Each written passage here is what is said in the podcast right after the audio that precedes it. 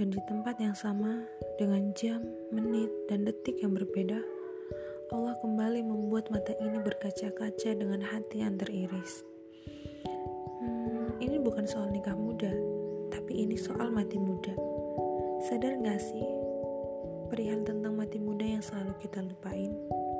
Kadang yang udah diingetin pun lebih memilih untuk tutup mata dan telinga selalu merasa bodoh amat dengan perihal yang satu ini.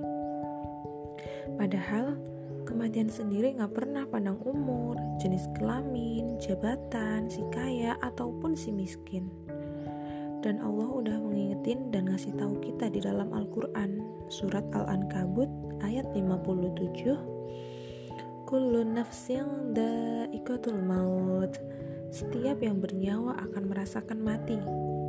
Dan pertanyaannya, bekal apakah yang sudah kita persiapkan untuk menyambut momen yang satu ini? Apa aja sih yang udah kita perbuat selama ini? Dihabiskan untuk apa masa muda kita ini? Terus, kontribusi apa sih yang udah kita kasih untuk agama ini? Nah, ini pertanyaan yang selalu jadi reminder untuk diri yang mulai lalai dan abai ini.